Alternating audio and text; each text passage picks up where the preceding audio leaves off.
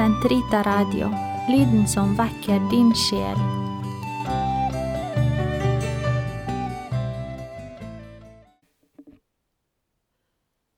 Den katolske kirkes katekisme, uke 10, torsdag, paragraf 1204 til 1211.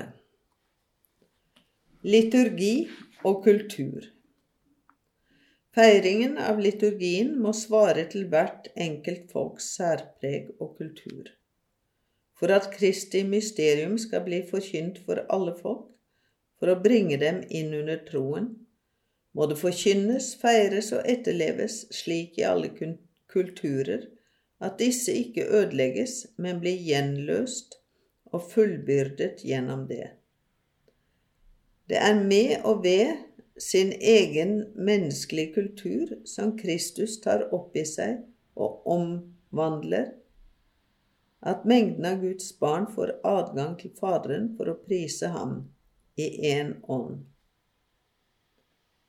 I liturgien, særlig i sakramentsliturgien, finnes det en uforanderlig del, fordi den er av guddommelig innstiftelse, og som Kirken våker over og deler som er foranderlige, og som den har rett og av og til plikt til å tilpasse til nylig evangeliserte folks kulturer.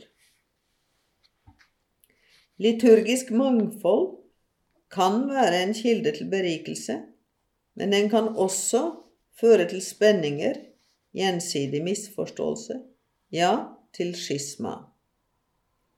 På dette området er det klart at mangfoldet ikke må få skade enheten. Det må bare komme til uttrykk innenfor troskap overfor den felles tro, mot de sakramentale tegn som Kirken har tatt imot fra Kristus, og mot den hierarkiske kommunion. En kulturell tilpasning krever hjertets omvendelse og, om nødvendig, brudd med de fedrene skikker som er uforenlige med den katolske tro. Kort sagt det er passende at feiringen av liturgien tilnærmelsesvis uttrykker seg innenfor kulturen til det folk hvor Kirken befinner seg, uten at den dermed underkaster seg den. For på den annen side er liturgien selv kulturskapende og kulturdannende. De ulike liturgiske tradisjoner eller riter som er lovlig godkjent, gir til kjenne Kirkens katolisitet fordi de betegner og formidler det samme Kristusmysterium. Det kriterium som sikrer enhet i de liturgiske tradisjoners mangfold, er troskap mot den apostoliske tradisjon, det vil si fellesskap i den tro og de sakramenter som er tatt imot fra apostlene. Et fellesskap som betegnes og garanteres ved den apostoliske suksesjon. Annen del Kirkens syv sakramenter. Den nye lovs sakramenter er innstiftet av Kristus.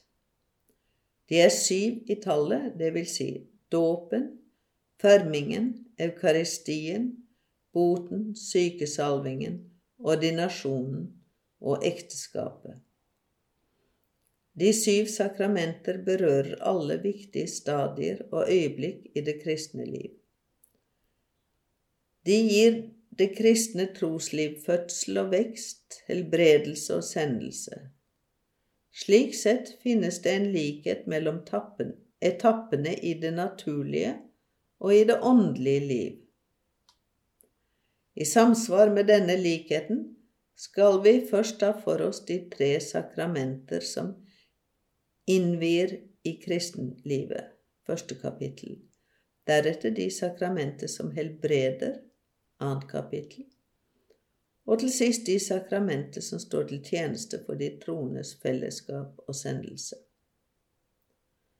Denne rekkefølgen er selvsagt ikke den eneste mulige, men det gjør oss i stand til å se at sakramentene utgjør et organisk hele, hvor hvert enkelt sakrament har sin livsviktige plass.